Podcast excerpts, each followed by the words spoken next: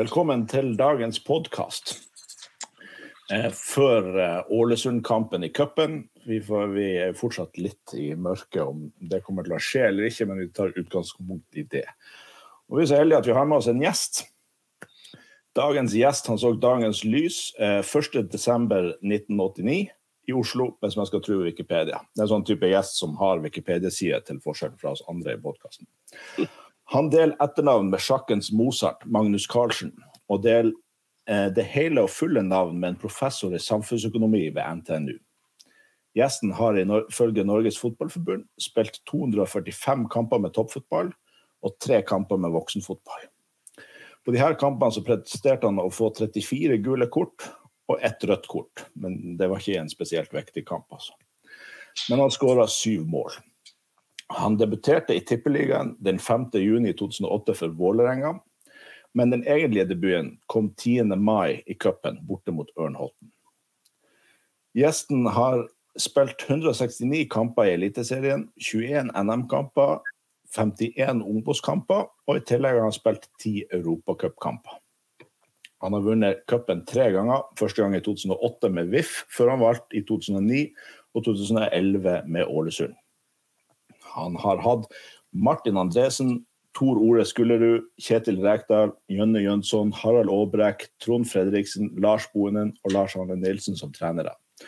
Og han har spilt på lag med bl.a. Ronny Johnsen, Bengt Sæternes, Rune Lange, brødrene Moa og Moss, Doffen Hæstad, Erik Panser Hagen, Anders Lindegård, Bjørn Helge og Jon Arne Riise, Leke James, Hughes Wembangomo, er det broren til Breis?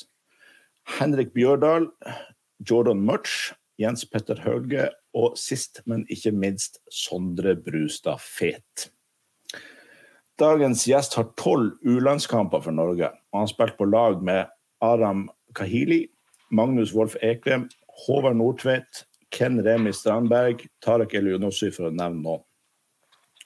Han har spilt mot spillere som Martin Dubravka, Julfi Sigurdsson, eh, Ragnar Klavan, Sergio Romero, og i mars 2008 så var han sågar med på tap med Norge G19 mot Kroatia. Og på benken til Kroatia så satt selvutnevnt verdens beste stopper, Tejan Lovren. I returmøtet som han var med på å vinne, så spilte Lovren sammen med Vida. Og det her stoppeparet var for øvrig med på å spille Kroatia hele veien til andreplass i VM noen år senere. Men for fotballfans er han kanskje mest kjent for et øyeblikk som er foreviga av TV 2 i tidenes kamp. Det røde kortet i cupfinalen for Ålesund mot erkerival Molde. En kamp for øvrig Ålesund vant, og hvor gjesten fikk et fortjent TV-tid, nydusja og klart for bankett. Og vi antar at det ble bankett, og i alle fall noe pærebrus. Det er en glede å ønske Fredrik Kjernmoen Karlsen, en helt vanlig fotballspiller med kunnskap om Ålesund og norsk fotball, velkommen til oss for en prat om fotball. Velkommen. Takk for det. Veldig hyggelig. Hva du syns du om introduksjonen? Ja, det var jo mer informasjon der enn jeg visste egentlig sjøl. Så det var, jo, det var litt artig å skrive ned bak øret. Det er et mål for oss at alle gjestene som kommer til oss, skal lære litt om seg sjøl. ja. Men eh, er det noe internett tar feil, Fredrik? Ja, Med antall kamper og sånn er det vanskelig. da. Eh, Jeg ser forskjellige tall overalt. Jeg har ikke helt oversikten sjøl. Men uh, egentlig så driter jeg i. Stemmer syv mål? Eh, Jeg tro- trodde det var færre, egentlig. Da sier vi syv. Da sier vi sju. Yes. Du har jo hatt en rik karriere, da. Altså, eh, det, tre cupgull, det er jo egentlig eh, ikke så fryktelig mange som har det. Det er en del Rosenborg-spillere, hvis vi går veldig, veldig langt tilbake i tid, sånn, sånn over 20 år tilbake i tid. Um, hvordan var det å slå elkrivalen Molde? Eh, Det var vel mest lettelse for min del, da. Det, jeg var ung og dum og gjorde sånne ting, så var jeg mest letta og glad etterpå. Men eh, det har vært med meg hele karrieren, det, det øyeblikket der. Da, så det, det var veldig spesielt. Ja, lærte du veldig, altså, Overlærte du av det? Du fikk jo ingen røde kort etter det. Var du liksom ferdig med den delen av karrieren? Ja, det var vel eh, Hva skal vi si, kalle det litt overtenning og ung dumskap, da. Så fikk vel beskjed ganske greit av Kjetil etterpå at uh, vi trenger ikke gjøre det der noe mer. Så uh, lærte, vel, uh, lærte vel litt av det. Men hvor glad er du i Tor Hogne Aarøy? Ja, jeg kunne sikkert kyssa han etterpå, da, hvis han hadde latt meg. Så det var flere jeg var glad i akkurat den kvelden der. Ja. Nei, men altså, Du har jo hatt en innholdsrik karriere. så jeg tenkte jo egentlig, sant, du har jo, Hvis vi starter, sant, vi skal jo spille cup mot Ålesund. og Da er det jo da naturlig nok å snakke litt først om dine cupopplevelser. Du har jo et uh, gull allerede i 2008 mot, uh, med Vålerenga. Og hvem som var trener der da? Eh, Martin Andresen og Tor Ole Skullerud. Det var, ja. Martin spil, spilte jo det, men han var vel spillende alt mulig. Mm. Han var vel spillende sponsor og spillende manager, og det var ikke måte på. Uh, og så var det Tor Ole som var på, var på benken. Da. Ja, riktig. Ja. Så uh, Hvordan opplevde ditt første cupgull, hvis du skal si det sånn? For det her er ikke så veldig mange som, som kan referere til mange ganger. Men mange opplever det kanskje bare én eller null ganger i løpet av deres karriere. Så det her er jo litt fantastisk at du faktisk kan si at du har vunnet det tre ganger, men hvordan opplevde du det første? Det første var jo øh, veldig ung, da var vel 17 år, tenker jeg. Mm. Jeg spilte jo de to første rundene, og da var jeg så heldig på en måte få oppleve den første runde cupen-følelsen, som jeg mener er fantastisk å ha her i Norge. Da. Det var jo mange, mange, sikkert over flere tusen i, borte mot Ørn Horten. Uh, få være med å spille der, det var jo stort for en uh, ung gutt, selvfølgelig. Og så spilte jeg andre runden borte mot Raufoss, og så tok uh, storegutta over etter det. da. Og etter det så satt jeg bare og så på at de gjorde jobben, egentlig. Men du var med på banketten etterpå? da? Ja, da fikk jeg oppleve hvordan, uh, hvordan, det er å feire med de store gutta. Det var gøy. Eh, den banketterfaringa, var, var, det noe du dro nytte av når Ålesund begynte å vinne cupgull? At du liksom var veteran på akkurat det feltet? Nei, eh, Banketten i 2009 med Ålesund ble jo korta ned pga. ekstraomganger og straffer og den biten der. Så det var egentlig bare inn og få i oss litt mat og høre på et par kjedelige taler fra disse NFF, og så hjem til Ålesund og, og feire der. Så banketten, eh, det var bare litt sånn og gjøre det man måtte, og så var det etterpå. Skala fra én til ti, når, når, du har eh, vunnet cupgull og kroppen er full av adrenalin og glede og alt sånt, hvor interessant er det å høre på en generisk tale om sponsorer og viktigheten av ditt og datt fra en representant for NFF? Nei, Egentlig så driter du bare i det. Altså, gir applaus når du må det, være høflig. Og så gleder du deg egentlig bare til å møte supportere og føle deg som en rockestjerne. egentlig. Da. Det er jo ikke mange ganger man får lov til det i, i en karriere. Så akkurat den uh, opplevelsen kom, Når vi kom tilbake igjen til Ålesund og møtte, ble møtt av sikkert 10 000 mennesker der, da følte jeg meg litt som en rockestjerne. Ja, det er jo faktisk eneste sånn cupgullene Ålesund har, det er jo litt sånn spesielt. Du har jo vært med på begge. Men det er litt sånn, hva betyr cupen for Ålesund? Eh, hvis man tenker litt sånn For oss som seere så virker det som at cupen er ikke det samme nå som det var for ja, 10 og 20 år siden. Nei, eh, men det var alltid sånn da, da jeg var spiller fortsatt, så ble det jo tatt opp på en måte Fredrik, fortell gutta liksom hva, hvordan det var å komme til, eh, til Ullevål. Liksom, gi, gi de unggutta forståelse hvordan, hva som skal til da, for at du får oppleve det vi gjorde i 2009 og 2011. For det er helt sinnssykt stort da, å komme til Ullevål og, og spille foran fullsatte uh, tribuner der er halvparten er oransje og f.eks. halvparten bare rød eller blå. da. Så det er veldig veldig spesielt. og det det er på en måte, som dere sier, det er ikke mange som har fått oppleve det. og I mine øyne så står jo cupen veldig høyt i Norge. Det syns jeg er veldig viktig. Du har bare én cup, og du har én serie. Så det er viktig at man behandler den med, med respekt. Absolutt.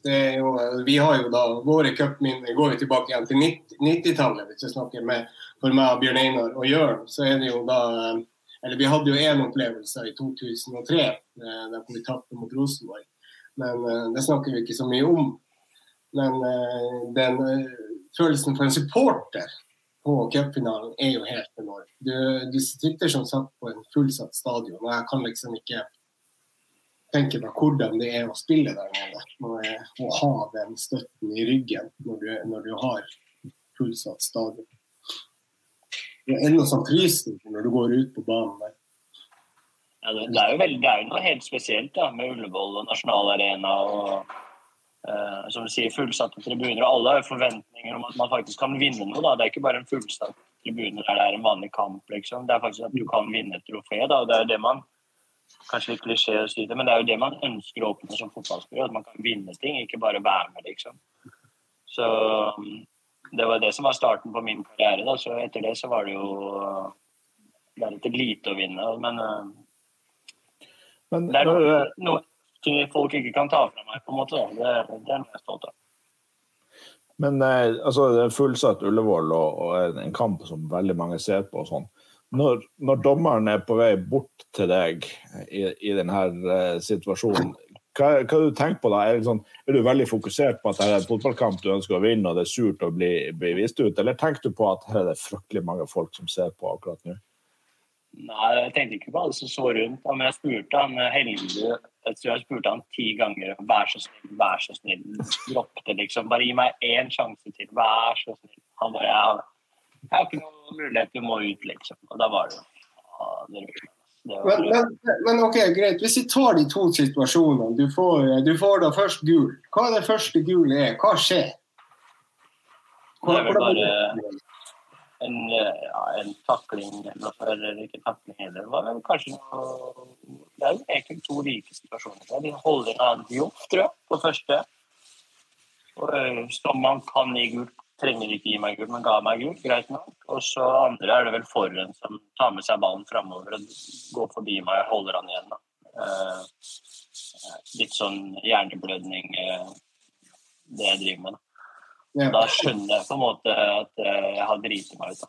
Men man vil jo på en måte prøve å redde seg med litt prat, men uh, da hadde jeg jo ikke sjans. Jeg skjønte egentlig med en gang at nå har jeg driti meg skikkelig da er det jo også helt fantastisk at dere klarte å komme tilbake igjen og vinne den, og samtidig at du kunne gå med et cupgull det, det må jo ja, sagt, Du må jo elske Tor Holm og Åre.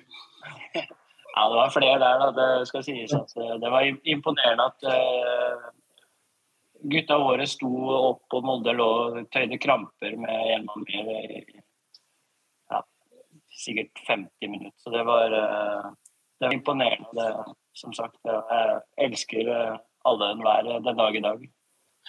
Men hvis vi spoler litt tilbake igjen, da. Altså, sant, Du spilte jo for Vålerenga eh, som relativt ung gutt. og Så er det da en overgang til Ålesund. da, og Er det på lov? Hvordan skjer det? Som, hvem som kontakter deg? og hvem, hvordan Er det noe liksom, spennende her i, i, i? Er det noen andre klubber som er på, på, på jakt etter deg, eller er det kun Ålesund? Nei, da var det Jeg var i ung, og så snakka vi mye om utlån. De henta jo inn De skulle jo satse skikkelig i Vålinga på den tida. Så de hadde jo et trenerapparat som var eh, sikkert en eh, elver, og så henta de inn Lars Iver Strand, de henta inn Doffen, Martin Reisen, de henta inn liksom Brengs etter alle gutta boys. da.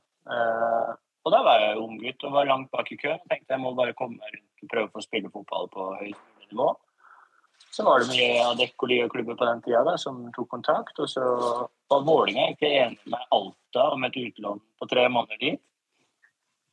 Og så ringer Kjetil Rekdal meg eh, Det må ha vært Jeg skulle dit en mandag, og så ringer Kjetil meg onsdagen før og spør om jeg vil være med, vil være med til, til Gran Canaria med Ålesund på lørdagen. Istedenfor ja, det var, det var Gran Canaria som solgte Det var Gran Canaria eller Alta. Finnmarkshallen er ganske varm, da.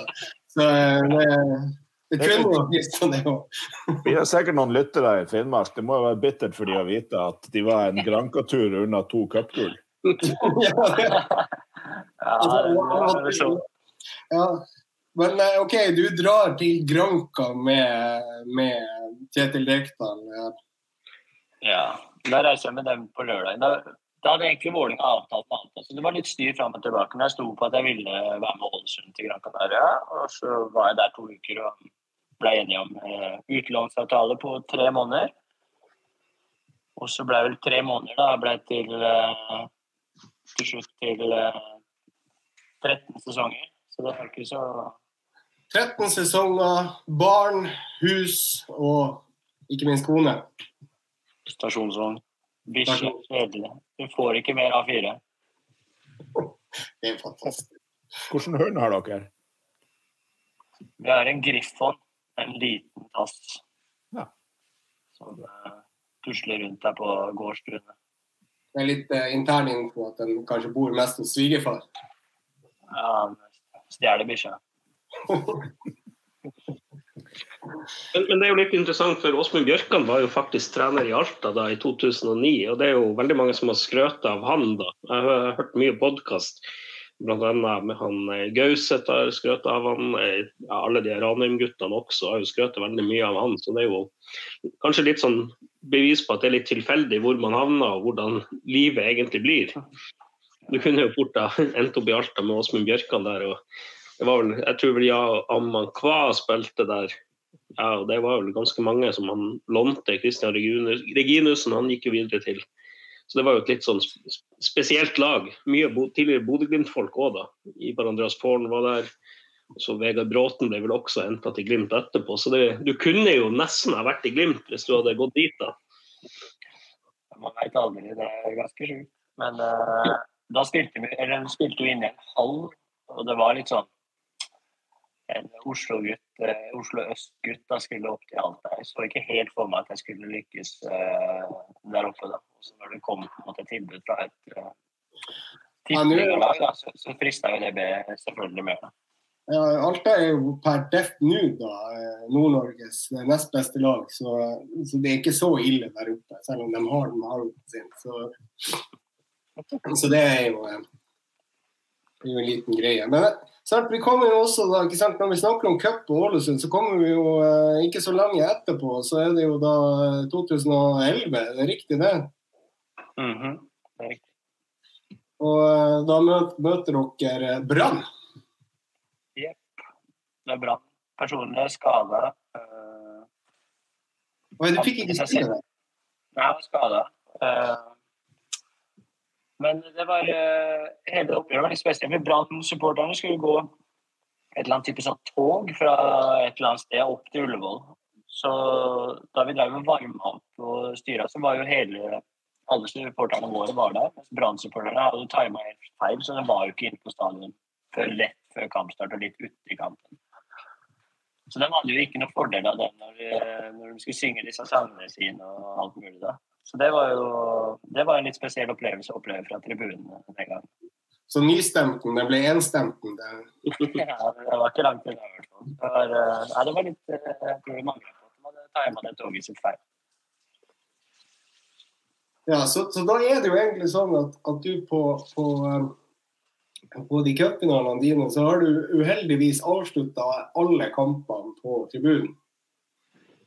Jeg har spilt eh, 50, hva blir det, 54 minutter av tre finaler. Ja.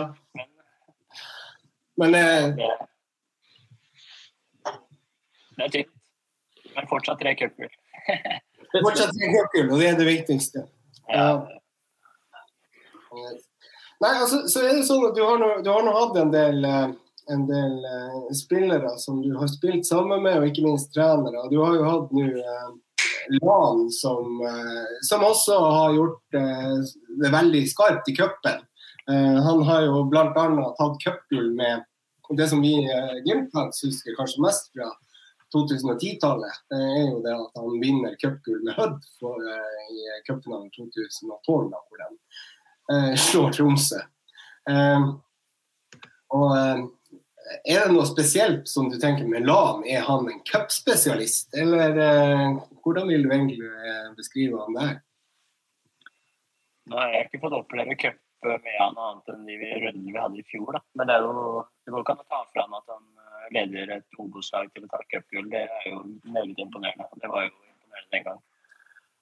Det var det faktisk- Var det faktisk andredivisjon, da? Var det ikke det? Jeg mener de var rykka opp.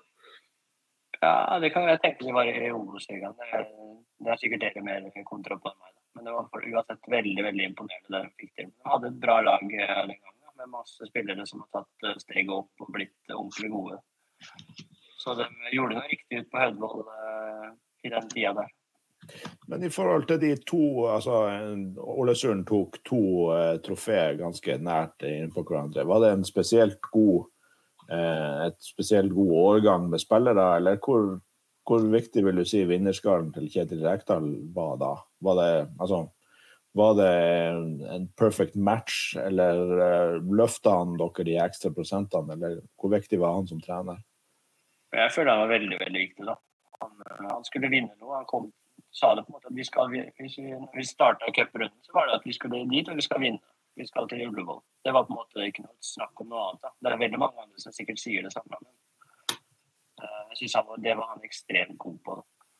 Og samme på en måte den eh, perioden før finalen. Vi reiste ned til Oslo fem dager før for å på en måte få roa og bare være oss. Mens Molde reiste jo kvelden før. Mm. Det tror jeg altså hadde en liten uh, fordel oss. da. Og Det er sånne detaljer som eh, han var, er god på. da. Så vi møtte supporterne kvelden før. Men vi hadde på en måte en sånn ro over hele situasjonen. Vi hadde på en måte bodd på det samme hotellrommet lenge. Vi hadde liksom, at vi bare dro dit, møtte supporterne, fikk litt adrenalin, kjente på det, og så var det hjem. da. Mm. Okay. Ok. Er det en fin greie å gjøre det? Ja, vi likte det godt, da. Mens Molde Ja. brukte det som en unnskyldning. For at de hadde reist med fly, og de hadde møtt sponsorer. og De brukte det som en unnskyldning. da. For oss var det på en måte bare en vitaminboost. da. At vi fikk møte supporterne og så at det var ja, over 10 000 fra Sunnmøre som hadde faktisk reist til Oslo. Ja. Så det var, eh, For oss var det i hvert fall en boost.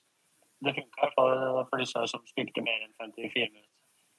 Ikke sant? Men eh, Sart, du har jo også hatt LAN i etterkant, og eh, det gikk jo ikke sånn eh, Du hadde jo Bohinen først. Er, vi, vi må jo få inn litt Vadsø her, ikke sant? I, i hver podcast så nevner jeg navnet Vadsø, og er.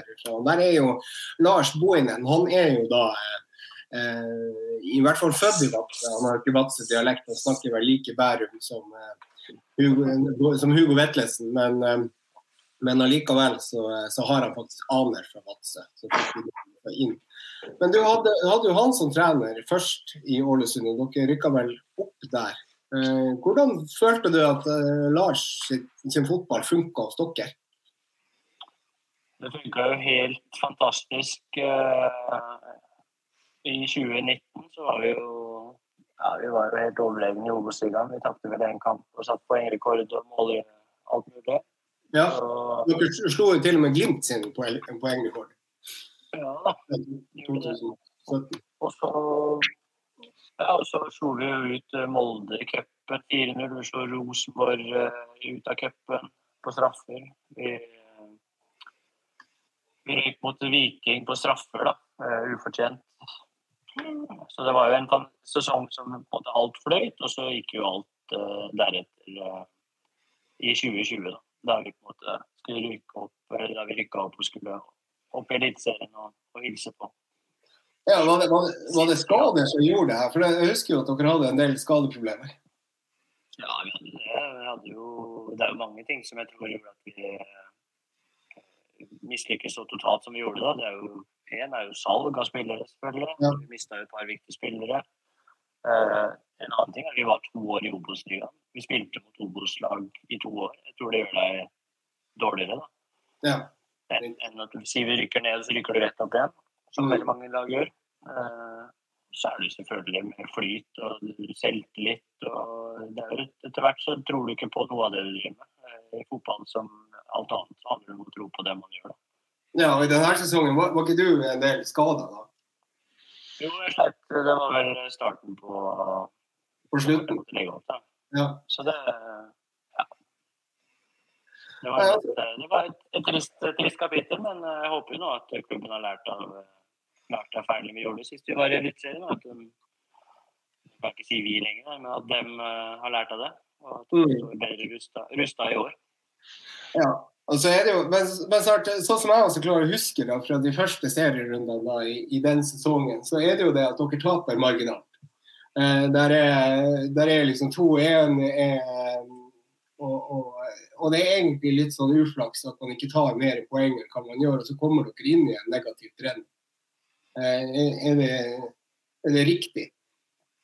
Ja, det er riktig. Og så blir det jo ekstremt mye press fra uh, omgivelsene rundt. da, Med at ingenting fungerer, og vi må sparke trenere, og gjøre alt feil, og formasjonen er feil. Så, det, så blir det jo murring. da. Ja.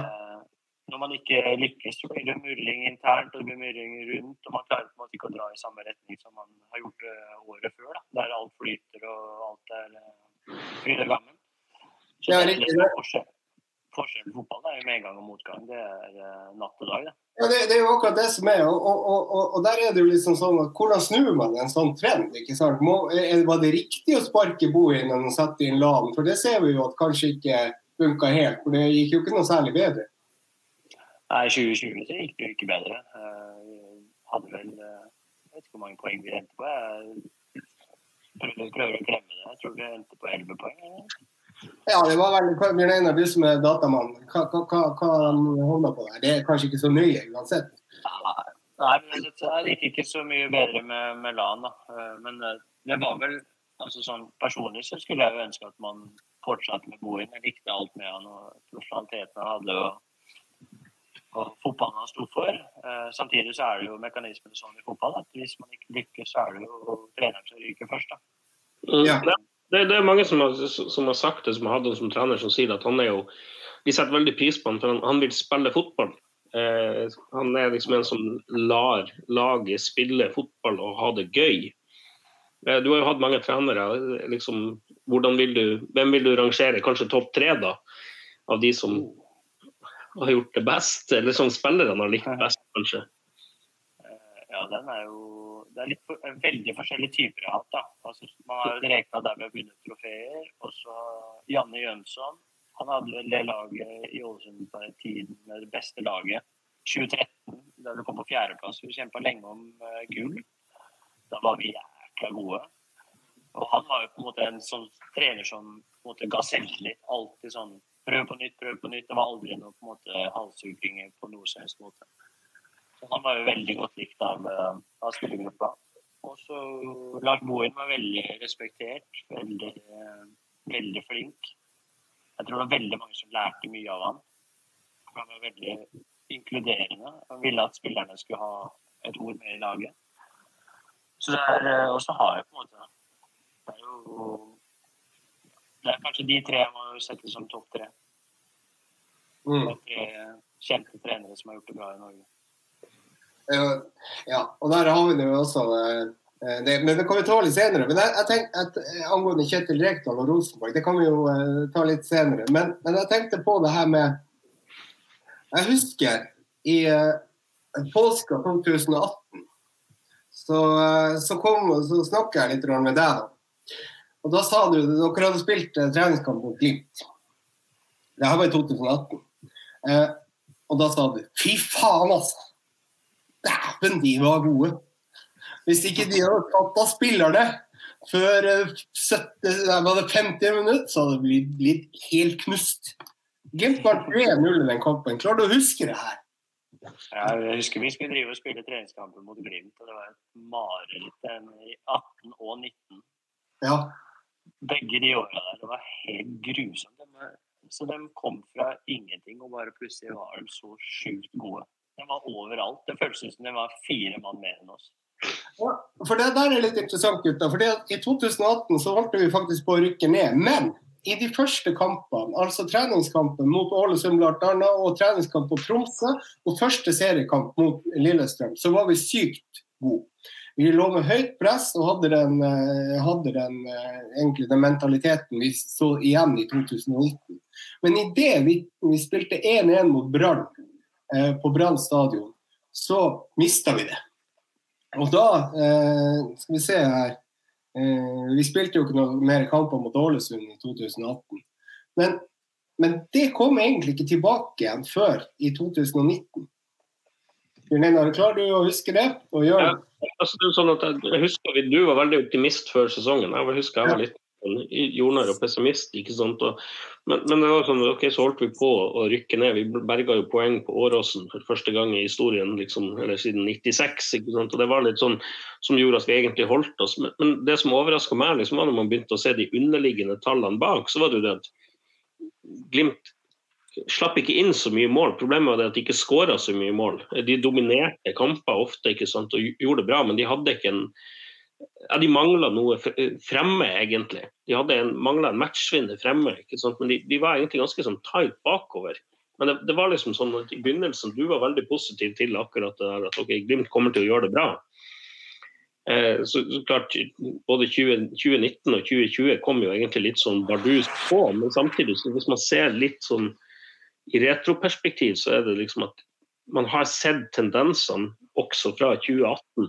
Eh, og Det virker som at det Knutsen klarte å fikse på, var de Han klarte å trykke på de rette knappene. Få folk til å gjøre de rette bevegelsene og få typene som skårer mål. Eh, og Samtidig videreutvikle de som var der. Så det er jo tegn på at Glimt gjør noe rett. da. Eh, det er jo mange som sier det, og det er jo åpenbart at resultatene gjør, sier det når man ser den økonomien Glimt har hatt, og det de har skapt liksom, per krone brukt, egentlig. Det er jo Ja. Og det, det, det, er jo egentlig litt sånn Men jeg kan bare ta litt sånn ferdig på det treningskampen, for du må holde den tråden der til Bjørn Einar inntil neste ting jeg skulle spørre om.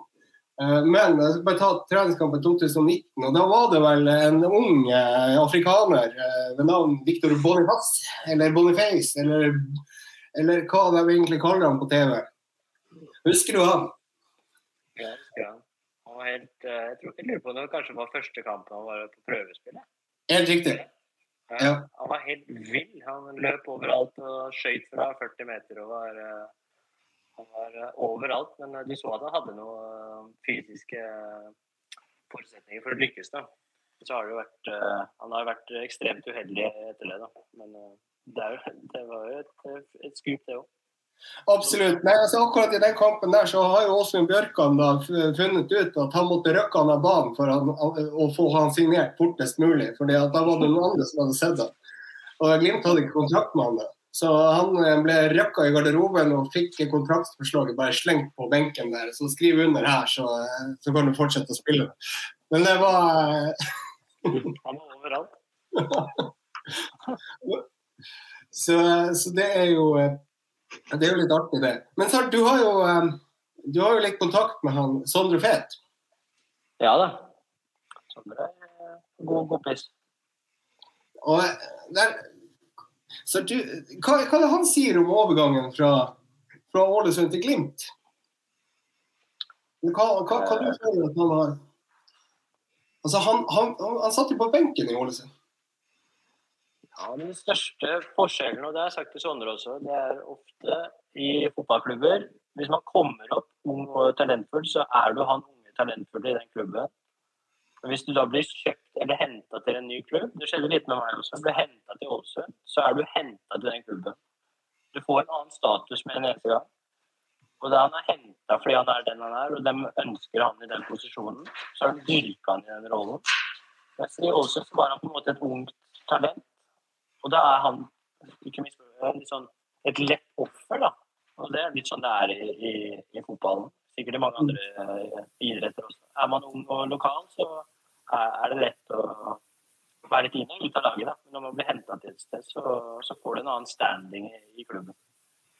Tror du det var litt det som skjedde med Botheim i Rosenborg? Altså Han var jo ikke lokal da, men han ble jo henta til klubben som et ungt talent, og, og ble ja. egentlig aldri noe annet enn et ungt talent der.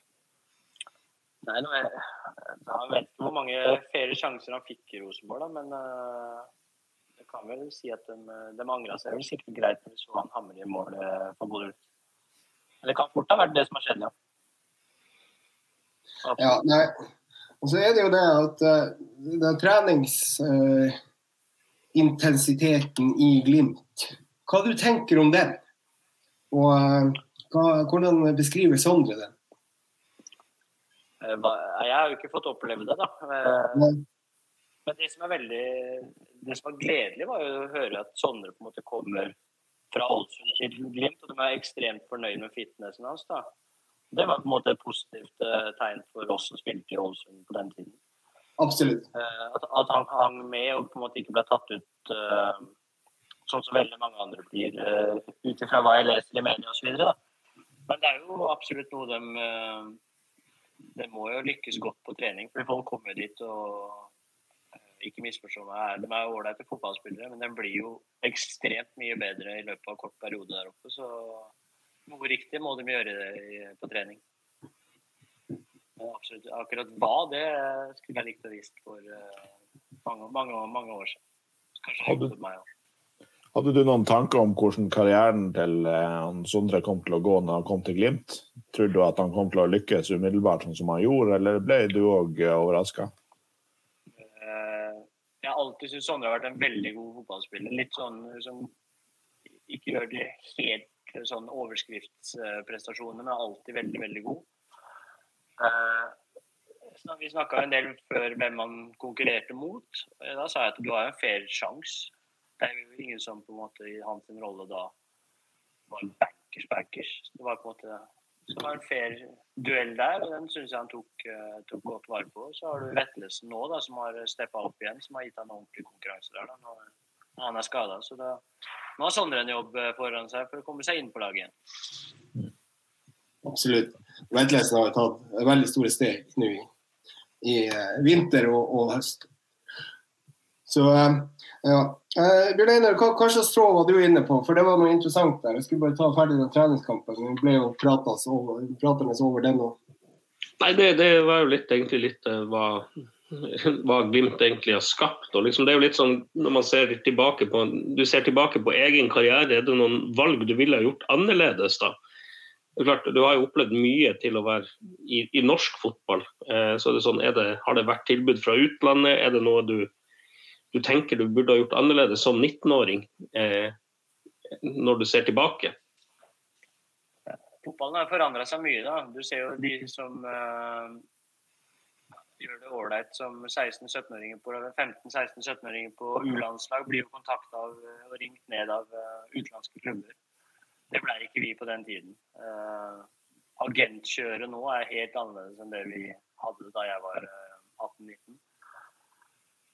Eh, så på den tiden var det det å komme seg opp i Eliteserien var jo ekstremt stort. Det er jo, den veien der har jo blitt kortere nå, på en måte. Eh, det var en helt annen, et helt annet nivå i Eliteserien da jeg slo gjennom. Pengebruken var annerledes. Eh, så jeg var ekstremt stolt av å komme meg gjennom dit. Og så hadde jeg jo en drøm som alle andre å komme meg videre. Men jeg skjønte etter 2014, der korsbåndet var ute over et år, at uh, det toget kommer til å gå. Jeg hadde en drøm om uh, kanskje et eventyr i et eller annet land og oppleve noe annet enn norsk fotball. Men uh, når det ikke lot seg gjøre pga. en aldrende kropp, så er jeg veldig fornøyd med den karrieren jeg har hatt. Men det er alltid ting man kunne gjort annerledes. Men før den tida du røyk korsbåndet, så gikk det jo veldig bra. Hvordan eh, Var det noe tilbud på bordet da som var nær? Uh, ingenting sånn uh, konkret. Jeg hadde noe tilbud fra noen danske klubber. Uh, akkurat hvor nært det var osv., veit jeg ikke helt. Men da drev vi og farta rundt i Europa spilte litt uh, Europaliga-kvalik. Og vi gjorde det bra med Ålesund. Jeg så på en måte ikke på noen av de klubbene som et steg opp trivdes godt i Ålesund. Eh, så var det på en måte det sportslige var eh, typ det samme. Det eneste hadde vært at det var en annen liga da, som kanskje kunne gjort karrieren annerledes. Men eh, det vet man jo aldri. Ja, det, var, det er jo en totalvurdering av livssituasjonen også som må, som må, være med på det. Så det er jo forståelig. Men så altså, da er det jo Sånn som Ulrik Saltnes fikk jo et tilbud i fjor fra Tyrkia. Eh, og han valgte vel å takke nei der. Kan du forstå den situasjonen? Eh, hvor mye penger er det snakk om, ikke sant, og, og, og, og den biten der? Han er jo tross alt eh, nyfylla 29, kan det? Ja, det er jo veldig opp til hver enkelt da, hvordan man er som person osv. Han er jo Ikke at jeg kjenner ham personlig, men han virker som en uh, fyr som er glad i Bodø-Glimt og trives ekstremt godt. og da skal det sikkert et tilbud uh, som han ikke kan si nei til, til for at han skal uh, dra, dra, dra, dit. Mm. Hvis Tyrkia da ikke frister, da, så er det jo Om du har det veldig sportslig veldig veldig bra i Bodø-Glimt, så skjønner jeg jo at Hvorfor skal du reise fra det når du, når du har det sportslig så bra? ja, Til tross for de millionene du kunne tjent der. og Det, det kunne vel også tjent litt mer i Danmark eh, enn hva de gjorde i Ålesund, eller? Akkurat på den tida der tipper jeg det var ca. det samme, da. Men uh, jeg tipper vel at uh, Saltnes tjener sine kroner greit ja, etter den europaligasuksessen de har. Uh, så tipper jeg at han kan smile litt ekstra. Ja, det, vi, vi, vi, må jo håpe at det, det faller litt på spillerne også, ikke sant? Det regner jeg med.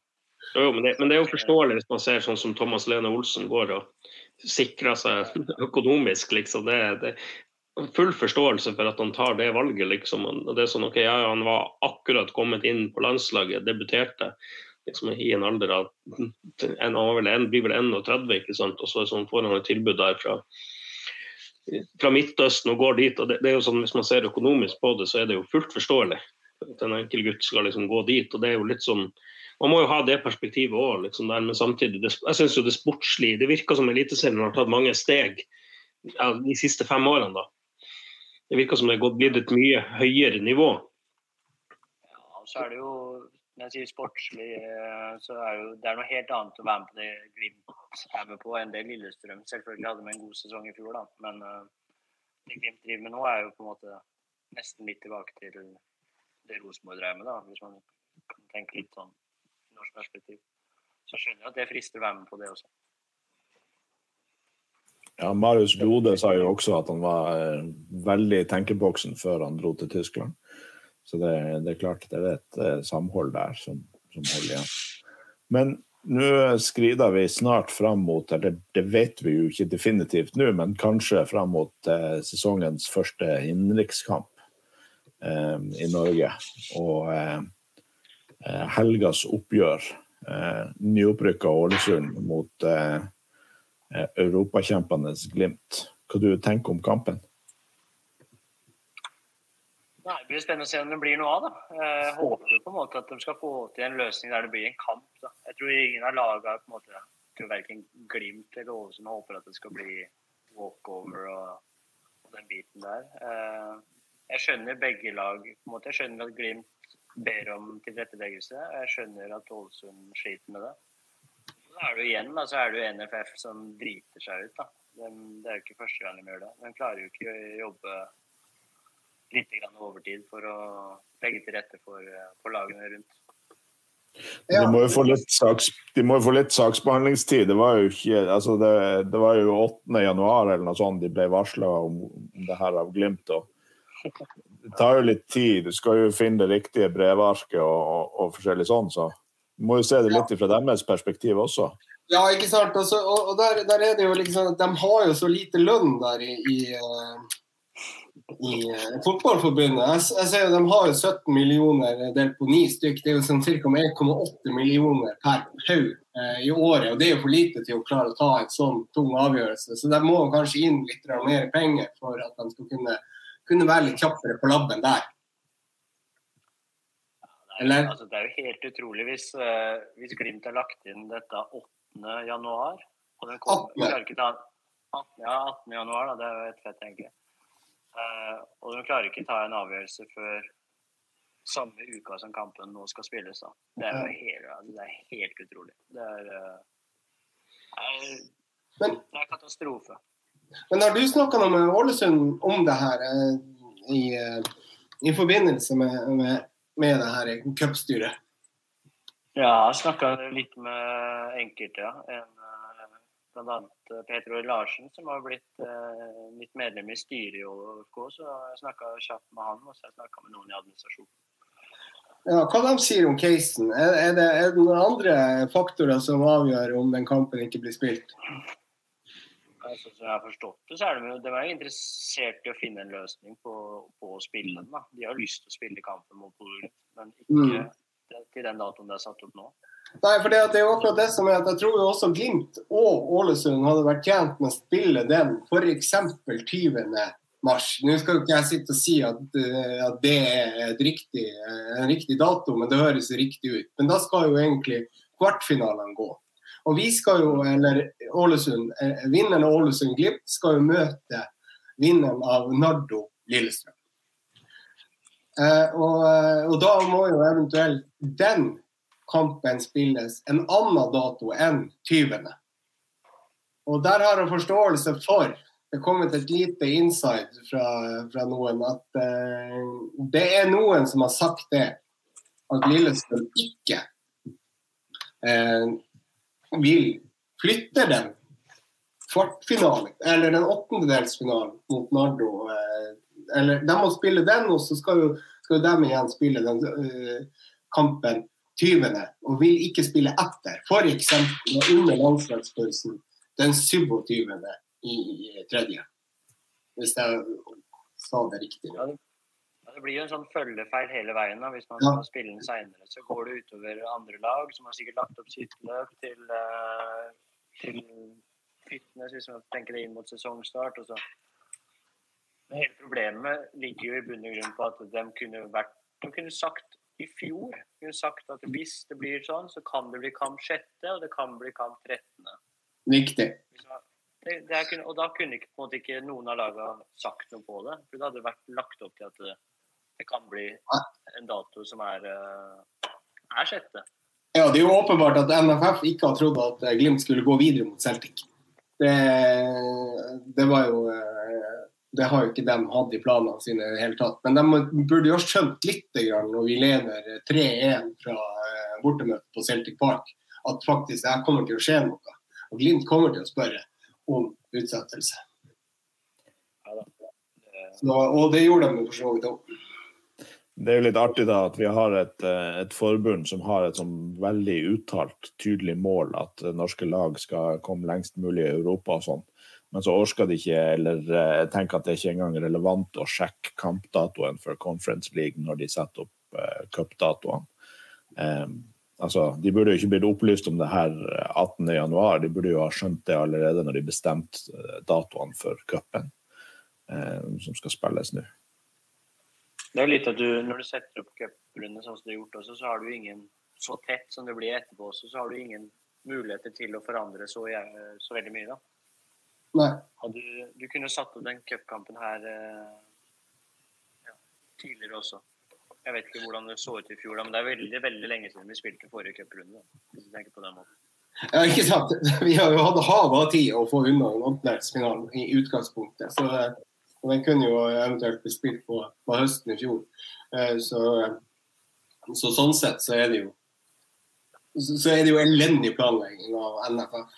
Og Det er litt synd egentlig at uh, Glimt og eventuelt Ålesund skal få noe uh, krangelstempel i forhold til uh, at NFF har gjort den dårlige jobben som de har gjort.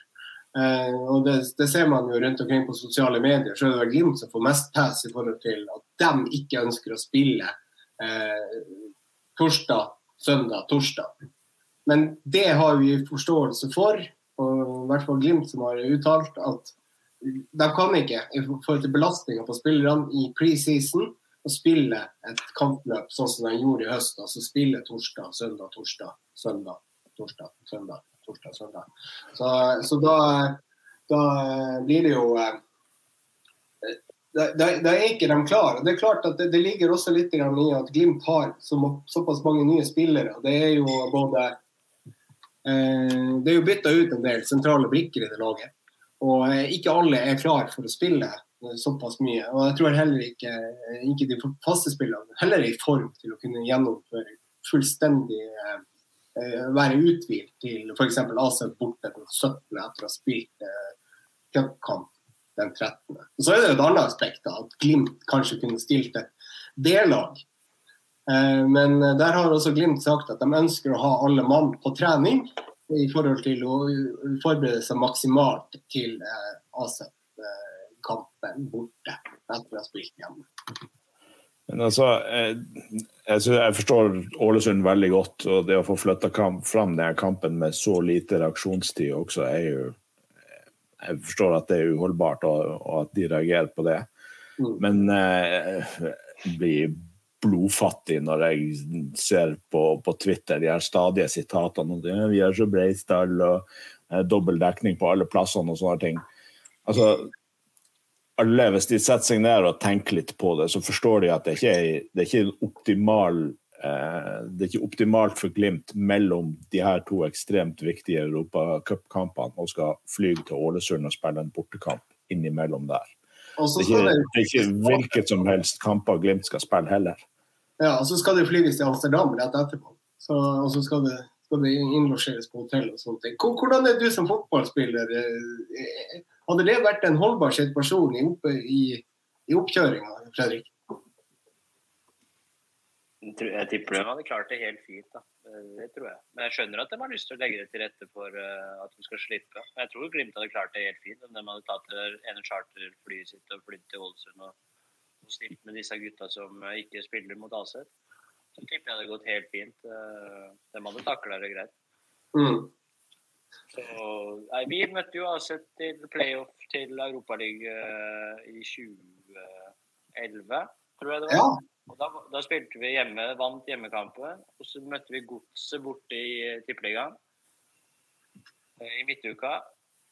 Eller om det var helga, da, så var det torsdag igjen, tenker jeg. Sånn var det. Torsdag hjemme mot Aset. Helga borte mot Godset og bortekamp mot Aset. Eh, Da rullerte da stilte vi et svakere lag i, i Tippeligaen og tapte. Og så eh, hadde vi jo trua på at vi skulle slå AC borte. De hadde ikke tatt en kamp det året der. eh, Og det gjorde de heller ikke da vi møtte dem. De knuste oss 6-1. Så Å, ja, det ser gikk- du. Der ser du, Det ser du hvordan det gikk. Hvis dere har sluppet den Strømsgodset-kampen, så har dere vunnet og gått videre i Europa. Men og, og i tillegg så, Fredrik, så var dere vel i sesong da dere gjorde det her, så det er litt uh, forskjell. jo, selvfølgelig er det forskjell. Men uh, Glimt er bedre enn det vi var på den tida også.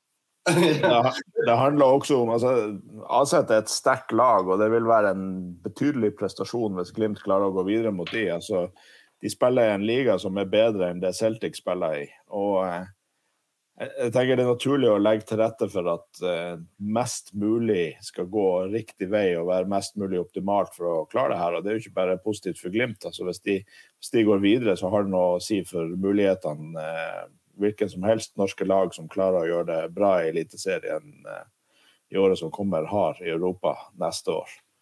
Eh, sånn at ja, jeg, vet, jeg vet jeg skulle gjerne ha sett hvilken type andre arbeidsoppgaver som har vært viktigere for, eh, for norsk fotball, som har vært prioritert i de ukene her i, i Fotballforbundet, som har gjort at de ikke hadde tid til å finne en god løsning på det her.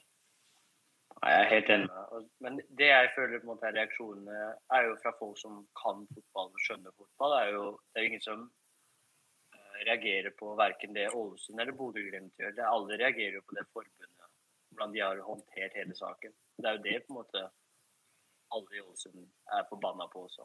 Ja, de har Ja. med dem. De skjønner jo Glimt godt. De ønsker jo Glimt all suksess. Det er ikke det det går på i det hele tatt. Det går jo bare på hvordan forbundet klarer å sitte på disse kontorene sine og ikke gjøre en dritt før de plutselig bare trekker et lodd opp av den hatten. Da. Det kunne like gjerne stått at uh, den skal spilles 13., for at det var det de kom fram til. Ja. Absolutt. Så, så er det jo det, ikke sant, som jeg nevnte da. Kan ikke vi bli med Don Lillestrøm, da? Altså, det her er jo uh, åpenbart da, Lillestrøm, ikke sant, det er du gammel Vålerenga-gutt, og det må jo være en helt legitim greie. ja, møkkaklubb, da kan jo dem eh, kan hvis de flytter seg, så kan eh, Borin til Ålesund spille seinere. Det er hele situasjonen løst. Men Absolutt. altså, mye av feilen her tror jeg jo at, eh, at eh, NFF har antatt at Celtic er den sterke klubben, og de kommer til å vinne. sånn at det her problemet løser seg sjøl. Ja. Da kunne de jo ha brukt samme metodikken på det her. altså, De trenger ikke egentlig å ta hensyn til Lillestrøm. De kan jo bare anta at den beste klubben vinner, og at Glimt skal spille mot Nardo i neste runde. Det er jo, ja, det er jo Nardo som kanskje bør snakkes med istedenfor LSK. Åråsen kommer du vel ingen vei. Men eh, eh, hva jeg skal si at, eh, at eh, når det gjelder eh, da Ålesund i år, så har jo det vært en del gode signeringer. Eller kanskje den beste er keeper, da. Grytebust tilbake. Ja, For meg personlig så er det ekstremt artig. Jeg spilte jo med Sten på landslag fra jeg var 16-17 år. og det spilte veldig mange år med han i ÅFK også. Det, å få inn en, en landslagskeeper med et navn fra Sunnmøre, det, det treffer uh, meg og veldig mange andre her på Sunnmøre. Det, det, er en veldig sterk signering. Er, er det noe som har han fått, det, er det noe som er spleiselag, det her, eller har han, er det økonomi nok til å hente han sjøl der? Nei, her, det vet jeg jo ikke, men jeg er ganske sikker på at det er, eh, er, er arbeidslivet som har trådt til å spytte inn litt cash. Ja, riktig. Det vil jeg regne med. for Økonomien i OFK er vel deretter. Ja, ikke sant. Og Da er det jo også det at, eh, at det kan jo forsvinne spillere i løpet av sesongen også, kanskje i sommer og kanskje i, i, i mars. Vi vet jo at Glimt har jo f.eks. vært interessert i Bolka Nordli, men der er vel den litt eh, kald akkurat nå. Jeg tror det er litt kaldt nå, ja. Men det har vært veldig, jeg tror jeg er ganske sikker på at det var ganske varmt uh, i fjor. Ja. Og har det vært varmt kanskje også i desember? Ja, det, det kan jo godt. Jeg var litt usikker, faktisk. Men uh, de har nok forhørt seg, ja. For jeg er meget ja. god spiller uh, i, i, riktig alder. Ja, riktig. Og Ålesund har sagt nei pga. budet til Glimt? Er det noe. Ja, det er, ja, det er jeg vel ganske sikker på. Vi tipper ÅFK krever en god sum for ham. Uh, Hvor mye penger er det snakk om? Hvis jeg skal tippe, uten at jeg veit, så tipper jeg en fem, fem millioner, kanskje. Fem-seks millioner. Så da hører Glimt på det her. Hvis dere skal ha Simen Bolka Nordli, så er det fem millioner på, eh, på bordet til, på Color Line, og da selger de Bolka Nordli til, til dere. Så, eh, jeg, tipper, jeg tipper de veit summen allerede. ja, det kan godt hende.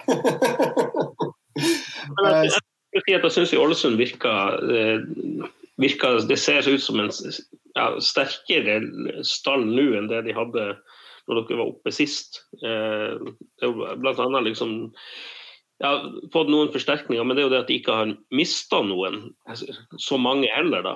Eh, og det er jo det at de liksom, tross alt klarte å beholde Castro, Castro når dere rykka ned sist. Eh, og fått Barmen inn. ikke sant? Han, på sitt beste er han jo god. Skal ikke nevne liksom, så mye om det som historien i Brann og alt det der, men det er klart at han er jo en etablert eliteseriespiller. så min personlige oppfatning tror jeg Ålesund fort kan havne på en åttendeplass. Og da er det jo veldig kort vei til en ja, sjette, sjette til tiendeplass, da. I hvert fall, ja, i hvert fall ja. det som, nå blir jo alt utenfra for min del, da. For det er jo ikke noe, Jeg har ikke noe spiller lenger. Men uh, forskjellen nå er at de har henta, som du sier, har beholdt spillerne, pluss at de har henta en fire-fem fire, mann som på en måte går rett inn i elveren. da. Det er forskjellen på det vi gjorde. Vi mista spillere i 2020, og vi på en måte henta spillere som Et par gikk inn på laget, men flesteparten ikke gikk inn på laget. Og det er jo den største forskjellen, vil jeg si nå, da, at de har forsterka seg med spillere som går inn, rett inn i, i elveren. Og det er jo viktig når man rykker opp. Ja, og ikke minst også det at dere beholdt Barmen fra som dere hadde på, hadde på lån, eller halvårskontrakt i fjor? Eller? Ja, han er jo som dere sier, da, en rutinert eliteseriespiller veit hva det handler om. Ja. Og, ja. For min del så handler det vel ÅFK uh, De må jo prøve å først og fremst redde plassen, og så får man ta det derfra. Det er jo litt interessant der, fordi at uh, den som ÅFK uh, var jo bøy på Moberg. Og mm. så ville Glimt ha litt mye, litt mer. Litt grann mer skulle de ha for, eh, for han. Og plutselig så hadde de fiska opp barmen, og Moberg ble igjen i Bodø. Nå har han jo da gått i Brann. Men det var, det var, så langt ifra. altså Det var bare en eh, altså, si, Ikke mange kronene ifra før at uh, Moberg gikk til ÅFK, istedenfor at det var Barmen som ble den midtbanespilleren som, uh, som skulle spille for Ålesund i, i Så, så det, var, det var, må jo være i sommer, da. Det, ja. det var jeg tror har vært en forsterkning. Ja, ja det, det var da hadde jo supporterne i, i Ålesund også måttet ha kjøpt inn en del Fernet, for han skal ha Fernet hver gang han skårer mål. han får en flaske Fernet. Jeg tror han har 15-16 Fernet i skapet sitt hjemme. Og han får jo, får jo det fra J-feltet. Jevnt over få lag i verden der han ikke ville vært en forsterkning. Det, Det er nok det. Ja, absolutt. Så Brann har jo gjort en god signering der. Du kan jo si det sånn at eh, det ble liksom bytting der med, med Barmen eh, og, og Moberg. Får se om han drikker Fernet på nachspielet der. Jeg tror han sa at han ikke likte det, men han har jo bare tatt imot de flaskene han har fått. Så, så hvis det er noen som skal ha Fernet, så, så tror jeg faktisk jeg skal ringe Vegard eller på Moberg. Men uh, hvis du skulle gjette et resultat kan du, Ja. Litt uavhengig av når kampen spilles og sånne ting. Når hvis, det, hvis det, begge lagene stiller et eh, relativt uh, optimal første elver, hvordan tror du kampen vil gå? Nei, eh, det er jo Glimt som store favoritter, da. Eh, Det er ikke noe tvil om det. Det er jo Men det er det som er litt sjarmen med fotball. da. Det er det som er synd hvis det ikke skal bli noe av. Det er jo på en måte at man har alltid en mulighet. Det er jo på en måte sånn selv om de er favoritter, eller så veit man liksom fullt hus på Color Line stadion, cup du, du har, Det har vært større cupbomber enn at Ålesund hadde slått hodet ditt, selv om jeg personlig ikke tror at det hadde skjedd. Men uh, det er det som på en måte er det fine med fotball. da. At man uh, faktisk har muligheten når man eh, går ut på det.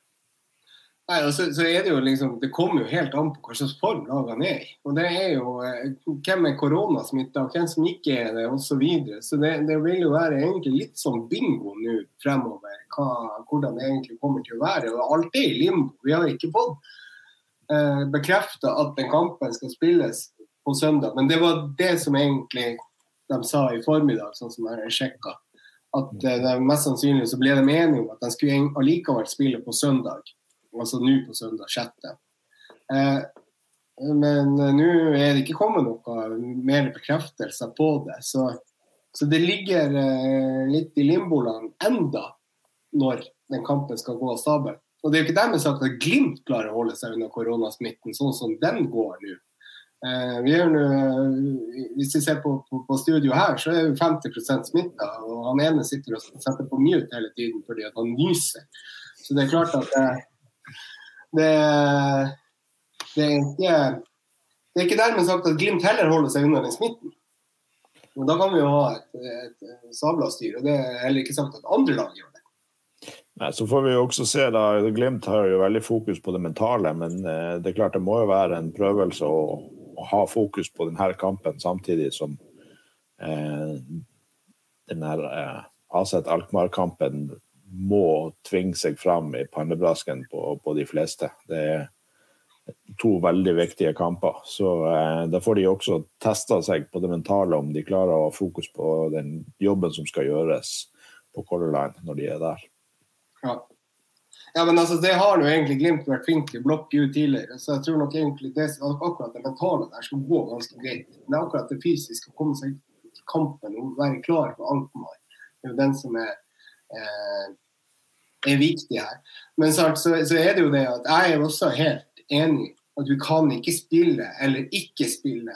Altså setter den kampen opp eh, nå på søndag hvis Ålesund ikke er klar. Det, det, det blir unfair. Det er ikke dermed sagt at jeg ikke vil eventuelt dra på en cupfinale, men, eh, men det blir unfair overfor, eh, overfor Ålesund å gjøre det. Hvis det stemmer også det at det, det er såpass mye smitte og, og eh, skader som, eh, som, slites med. Og ikke minst det der at du har forberedt deg til sesongstart 13., og du skal få det en uke tidligere. Det, det har litt med, med, med, det også å gjøre. Så, så vi forstår, jeg forstår i hvert fall Ålesund sin situasjon i forhold til det. En annen ting også som irriterer Ålesund, vil jeg tippe, er jo at NFF ikke klarte å gi dem motstander på Marbella. De ordna jo kun én kamp mot Tromsø, og den andre kampen diska de opp med et lag fra nivå fire i Sveits, som ligger sist i den ligaen der. Så det var en parodi av en fotballkamp. Det var jo kunne, ja, kunne like gjerne møtt et lokalt fjerdedivisjonslag her, ikke noe imot dem i det hele tatt. Men du reiser til Marbella for å få ordentlig motstand, og så klarer ikke for- forbundet å ordne HFK to kamper engang. Du mener at de var på nivå med Rolland? Jeg tipper, tipper Roland har gjort en like bra kamp som det der sveitsiske laget. De var der nede og kosa seg sikkert. Jeg vet ikke hvordan de har havna på Marbella engang, men det er jo imponerende. Men nå har vi jo egentlig glemt, når vi nevner Rollo, Jens Petter Hauge. Ja da. Der har vi jo en greie. Hva- Hva tenker du? Han kommer til dere, og nå spiller han for Frankfurt. Han har vært i Milan. Det slags spiller var han når han var hos dere? Han var en uh, ung gutt som uh, vokste veldig i perioden han var hos oss. Det jeg sitter igjen med, var, uh, et intervju han gjorde etter han dro fra oss, der de aller, aller fleste unggutter hadde slakta alt og alle for at han ikke hadde spilt så mye som han ønska. Der han sa jeg lærte så mye, og det å flytte for meg selv, være profesjonell, vite hva som skal til, da kjente jeg på en måte at eh, han vokste sinnssykt på meg. Da skjønte jeg at han her har faktisk noe mellom øra som gjør at han kan nå langt. Eh, og selvfølgelig, han, du så at han var en god fotballspiller, men det steget han tok fra han dro fra oss til han plutselig herja for Bodø-Glimt, det var jo Det var det ingen hos oss som så skulle komme, da. Det skal jo være de første til å innrømme. Jeg tror ikke vi heller egentlig så. Det er litt sånn at eh, vi, ja, Det var før koronanedstenging, og vi så han i treningskamp i Lillestrømhallen. Og liksom, og det var sånn, ja, Han var bra, men, men det var ikke det nivået der. Det var ikke, det var ikke sånn at han liksom sprang ifra alt og alle og liksom spilte ball i hatt med motstanderen. og det er jo liksom Bare på det halvåret han, han vokste jo noe helt enormt. Eh, Ja, motgang gjør jo at kanskje noen blir sterkere. Og han virker som en type som, som takler motgang greit. da. Eh, litt sånn, ja, Kan fremstå litt cocky, da, men, men samtidig jeg synes jo det er litt kult da, når han sånn som Mjøndalen chipper ballen over keeper og sier er litt sånn at ja, ja. Enten så, så det ut som en million, eller så så jeg ut som verdens største idiot, men det gikk nå greit. liksom. Han, han har litt sånn holdning til fotballen at OK, det gikk greit. Må lov å prøve. Ja. Ja, nei, men det, det, er jo, det er jo også det at han erstatta jo Amor Laioni på høsten. og Det var jo klart at, at da, i 2019 og da var vi, vi hadde jo egentlig litt heng på Molde i, eh, i forhold til det gullet. Eh, Men eh, når han kom inn som erstatter for Amolayoni, så hadde han ikke samme driven. Han gikk jo innover istedenfor utover. Så Lajoni gikk jo utover for det meste. ikke sant? Og fikk til noen innlegg osv. Mens Jens Petter han gikk jo helt inn i banen og gikk tilbake igjen. Eh, og Det var jo en frustrasjonsgreie som også resulterte i at Glimt egentlig ikke skårte så mye mål på slutten av eh, sesongen 2019. og Dermed så ble det jo sølv. Eh, eh, og vi hadde vel kanskje ikke gull heller med Amor Joni. Men det var også en frustrasjonsgreie. ikke sant? Og Da var det, da var det sånn at når det budet kom fra, fra Belgia, så, så tenk, var det ganske mange som tenkte det, at det er jo kjempebra å få solgt han til Belgia for 10 millioner kroner. Eh, og eh, sånn som Bjørn Einar nevner også, den treningskampen i, i Lilles, mot Lillestrøm var ikke helt sjuk. Men så begynte du å høre at han gjør det fantastisk på trening, at han er jækla god. Og så får du sesongstarten der hvor han får en boom eh, ut av dimensjoner. ikke sant? Du så jo, altså, Han var helt rå eh, allerede da første serierunde mot Viking. Og da, da begynte det egentlig bare å balle på seg. Så, så det er jo eh, Det er litt merkelig at du, du kan faktisk ta de stegene som han gjorde. Han brukte vel heller ikke Bjørn Mannsverk i forhold til mentasjon og biten der. Så eh, ja. Men eh, ja Spilte spilte noe for dere, Fredrik? Ja, han hadde vel én start og ja, et par inne og par der. Ja. Så så han hadde noe, da. Uten tvil, liksom. Eh, og så spilte vi spilte jo 3-5-2, da. Så var det på en måte, han ble brukt litt som indre løper. Uh, innimellom litt som en spiss, da. ja. Eh, men det var på en måte ikke noe kantrolle til han i det systemet vi spilte. Mm. Litt som jeg sa, bare det, intervju- intervjuet han gjorde etterpå, da, det viser på en måte at eh, han lærte faktisk av å flytte på seg. Komme til en annen klubb som unggutt. da. Ikke bare være han unggutten i Glimt, men komme til et annet sted og så komme tilbake. Da hadde han opplevd ting som han kanskje tok med seg i karrieren sin videre. Da. Dere gjorde han altså klar til å flytte til Milano? Det tar jeg fullstendig ære for. Yes. First you take Ålesund, then you take Milano. Yes, and then you take Frankfurt. Yes. Dere, eh, vi, eh, vi har snakka i over en time allerede, så jeg tenker det, det er greit å begynne å ta fram noen eh, dilemmas. Og Ja, Det må du hive deg med, Fredrik. Det er jo helt klart at tyngdepunktet i norsk fotball har flytta seg til Bodø, men det er ingen tvil om at tyngdepunktet innenfor dilemmas fortsatt finner seg i Trondheim. Um, så første dilemma her er fra Jonas Aune Sunde, og er som følges. Tilbringe en natt med Kjetil Rekdal i en stengt heis, eller kryss Sørpolen med Kari Jakkesson? Nei, hold meg, ja, må holde meg langt unna Kari Jakkesson i hvert fall. Eh, Så det blir eh, heis med Kjetil Rekdal i et døgn, var det det? En natt. Et, en natt, ja, jeg kunne gjort det et eller annet med Kari Jakkesson så hun ikke kom seg tilbake. Nei, jeg vil ikke lov til å si det. Nei da. uh... Det er også foreslått i tråden her på Twitter. Så. Nei, det er det, ja. Du kan glemme henne. Kan glemme det, ja. Ja, den der er jo den, er jo ganske enkel, den der. Jeg, Hvordan, eh, hvordan er det på sånn time fem med han Kjetil i heisen? Er det, har han satt seg og sovet, eller er det fortsatt koselig smalltalk? Han er jo livredd for uh, Han er vel litt sånn klaustrofobi og er livredd for uh, Har du ikke sett klipp av han sitter fast i heisen? Jo, stemmer. Ja, ja, ja, ja. Per Angel Berntsen må liksom det er det ligger. Per Angel Berntsen skal liksom prøve å åpne her. Det, det gikk ikke så bra, det. Det var der vi hører 'Håper du på bånn av heisen'? Ja, bra panikk, tror jeg. Så det hadde sikkert vært et svett, svett, en svett natt. Så det, det er en liten sånn strømbrudd på, på Scandic Haven når Rosenborg har spillemøte før kamp der, at han står fast der. Men, Han gikk vel glipp av noe gullfeiring der òg, ikke det sånn det var? Det var, det var, det var i rådhuset i Oslo.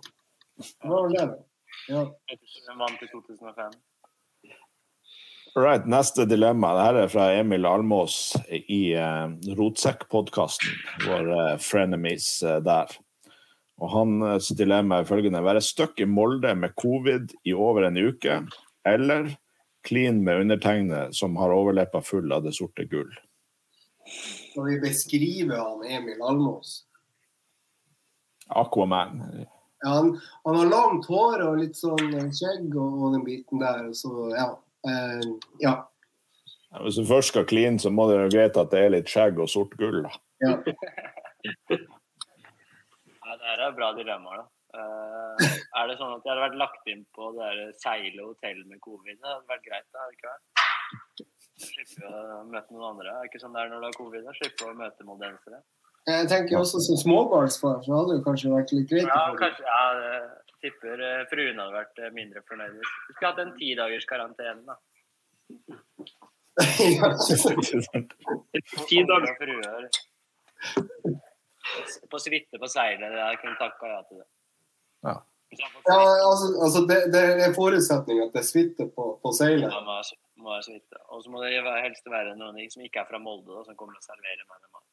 Mm. Ja, det kan jo være at de spytter i maten din når du er Ålesund-spiller. Det- Det får man tåle.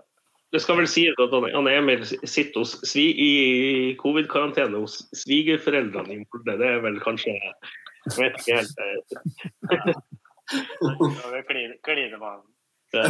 ja, ikke sant. Ja, men altså, hvis du tenker på Molde, så er det jo en eh, Jeg har jo vært der et par ganger og sett i Glimt. da, og så har jeg vært og satt et skap på plass der også. Det bare stille og rolig da.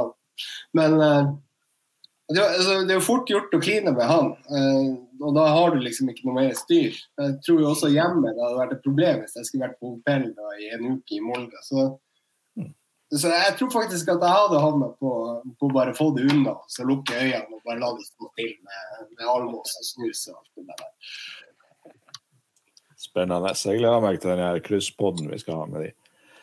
Eh, siste dilemma. Det her er fra, Glim- fra eh, Twitter-kontoen Glimt av verden. Og der kan vi verken eh, bekrefte eller avkrefte ryktene om at det egentlig er Twitter-kontoen til, til Kjetil Knutsen.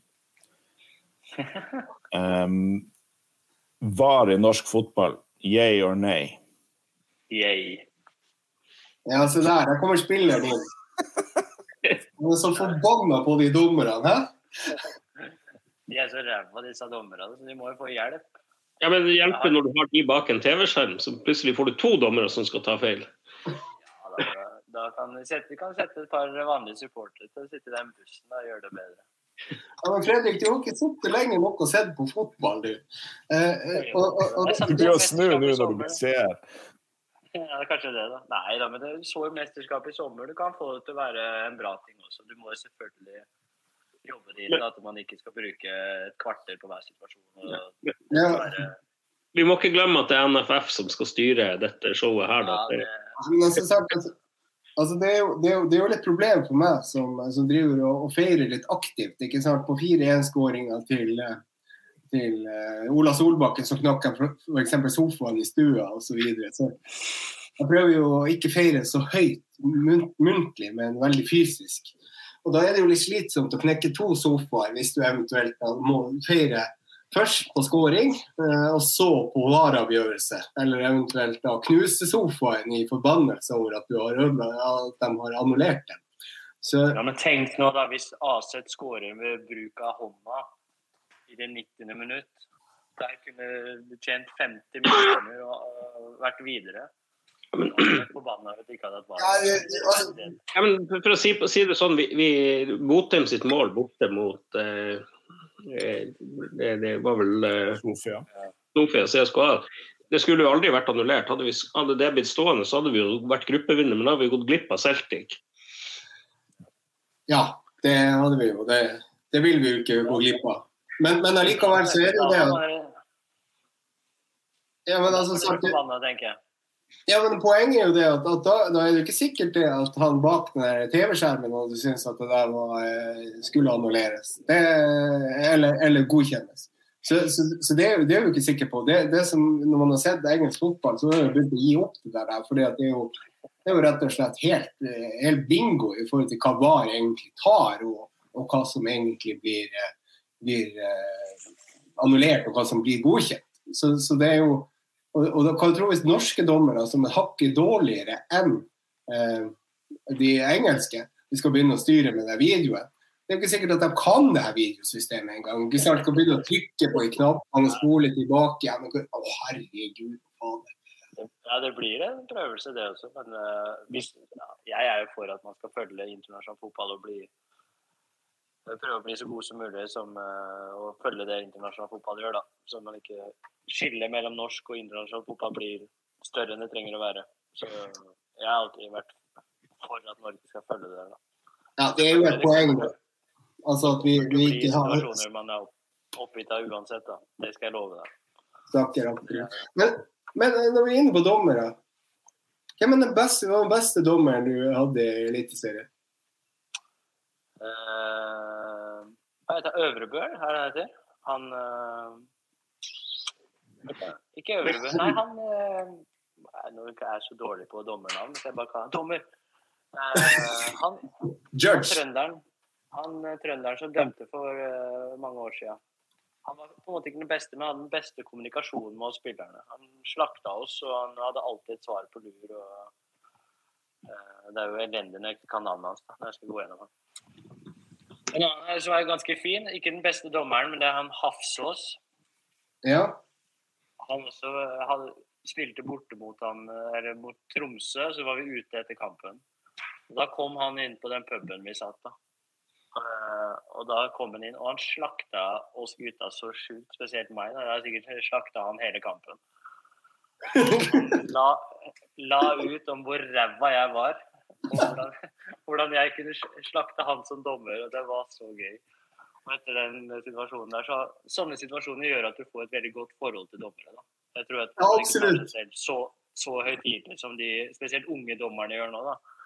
Så, så vil de tjene så sjukt på det. Og det er Ja. det samme med han Døvle som, eh, Ja. Som heller ikke var den, eh, den beste fotballdommeren, men som alltid på en måte var litt sånn Sorry, gutta, jeg gjør feil. Jeg er ikke den beste, liksom. Men når du har den holdninga der, så er det på en måte Da er det kanskje greit. ikke sant?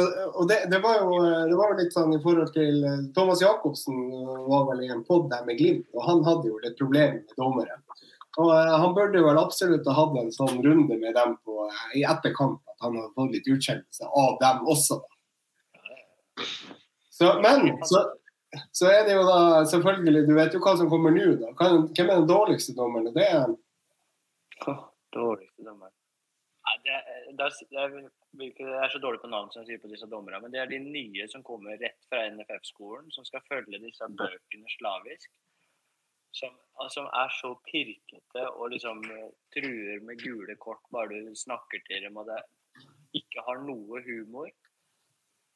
Da, da får jeg helt fnatt. Og det er jo en av de deilige tingene man har lagt opp til, at jeg skal slippe å, å snakke mer med disse unge dommere rett fra Securitas-skolen. ja. Altså, jeg tenker Det er jo egentlig like greit da, at du ikke husker noen navn. for da kan jo vi være Norges eh, første fotballpod som er i, netto i hvert fall kommer skryt av dommer- dommerstand. Da kan vi ta på oss det. Torde ikke å nevne Edvardsen. Jeg var redd for at Jon Christian Elden skulle ringe her. Nei, Edvardsen kunne være fin, han. Altså. Det, ikke, det var, ja, det var, eh, hadde mange artige situasjoner med han også. Ja, men han fyrte seg, men samtidig han var jo fair, da. Altså, det er jo sånn Ja, jeg tipper han har vært en bedre dommer i dag enn han var da. Han var ganske ung, da. Man skulle ikke glemme det. Men, Men da eh, kan vi jo liksom over eh, beste medspiller, da. Eller ja, hvem du har spilt med mange. Uh, off, beste medspiller. Eh, I Ålesund Du har jo Barante som var ganske vill på sitt beste. Han var vel i VM samtidig, var ikke han det? 2014, tror jeg. Jeg spilte ikke han i VM, Ble ikke han tatt ut i VM-troppen til Costa Rica 2014. Ja. Så selvfølgelig Anders Lindegård har solgt til Manchester United. Det er jo en vill overgang fra Old Ja. til United. Eh, så har jeg spilt med veldig mange store navn i Vålinga da, som har, var på en måte slutten av karrieren. Eh, Daniel Fredheim Holm, Moa, de to der. Ekstremt gode fotballspillere. Hamdallah, hvis jeg ikke nevnte han. Ja. I HFK. Kom hit fra, ble kjøpt for 10 millioner fra Marokko. Og En kul såpass. ja, en kul historie om han var jo at eh, FC København skulle kjøpe han. Det var veldig mange Jeg tror det var 25 millioner eller sånt. Og så var eh, FC København var på Color Line, og så sa han til meg eh, at han, det var greit å dra til FCK, men han kommer aldri til å spille for dem fordi de hadde Carlsberg på drakta. Kunne godt, sign, kunne godt signere kontrakten. Jeg tror de var glade de ikke ble noe av det. Dro, dro til Kina istedenfor. Det har vært bort, bortkasta 25 millioner hvis han hadde signert for dem. Spilte med Singapore i Han, han, var, han var helt vill. Uh, utenom det så var det jo Det var fascinerende å være en del av den Vålerenga-troppen i 2008. Det var jo ekstremt mange navn som har vært innom uh, de største klubbene i Europa og spilte på landslag. og det var... uh... Ja, hadde du Tor André Flo der, da? Nei? Ja. Med Tor Tor André Flo, Ronny Johnsen, Ja. Lange, Martin Andresen, Doffen Hestad. Det var jo ekstremt mange. Og så hadde du jo Fredheim og Fredheim Warshol. Han, at han Ja. Det har vel alle sagt. Han var et evig talent. Han var altså så god. Det var vel, var vel kanskje like mye Rolex i garderoben der, da som nå. Ja, det var, men det var ikke like mye flashing da, som det var Nei. i den andre. Ja, men det skal godt gjøres, da. Det det. Eh, Veldig, veldig bra. Da er vi kommet gjennom det som er blitt sendt inn, og det vi har planlagt på forhånd. Så eh, da vil jeg eh, først og fremst takke deg, eh, Fredrik, for at du ble med. Veldig bra levert. Hyggelig at dere vil ha med en pensjonist. Ja, det var en ære at du kunne være med, og takk for det. Det var Snart, ti år yngre enn oss, og så er han pensjonist. Det syns jeg Og vi har ennå ikke fått noe tilbakemelding. Vi sitter og oppdaterer AN her. Jeg vet ikke om Nettavisen vil komme først ut med noen nyheter, men det, er fortsatt ikke kommet noe svar på på, eh, si koronatesten, men eh, på når kampen skal spilles, og om den skal spilles. Så vi fikk egentlig ikke svar på det. og Det håper vi at vi kanskje kan få svar på før søndag, så man kan komme seg på kamp hvis det eventuelt blir. Strålende. Du skal på kamp i dag. vi skal kanskje sammen? Ja, vi må komme oss på kamp hvis det, hvis det blir. Ja. kan komme oss igjen? en Jeg tar en Glimt-trøye til deg òg. Ja, Ålesund-drakt til deg òg. Ifølge Wikipedia så er du 1,75 og 65 kilo. Det er vel kanskje en av få som passer Glimt-drakt. De er veldig Ja, jeg må ha trippel X der. så det Yes, Men da gjenstår det bare å takke eh, alle dere som har hørt på. Og takke eh, Webium for produksjon og Adventure Taylor som sponsorer denne podkasten.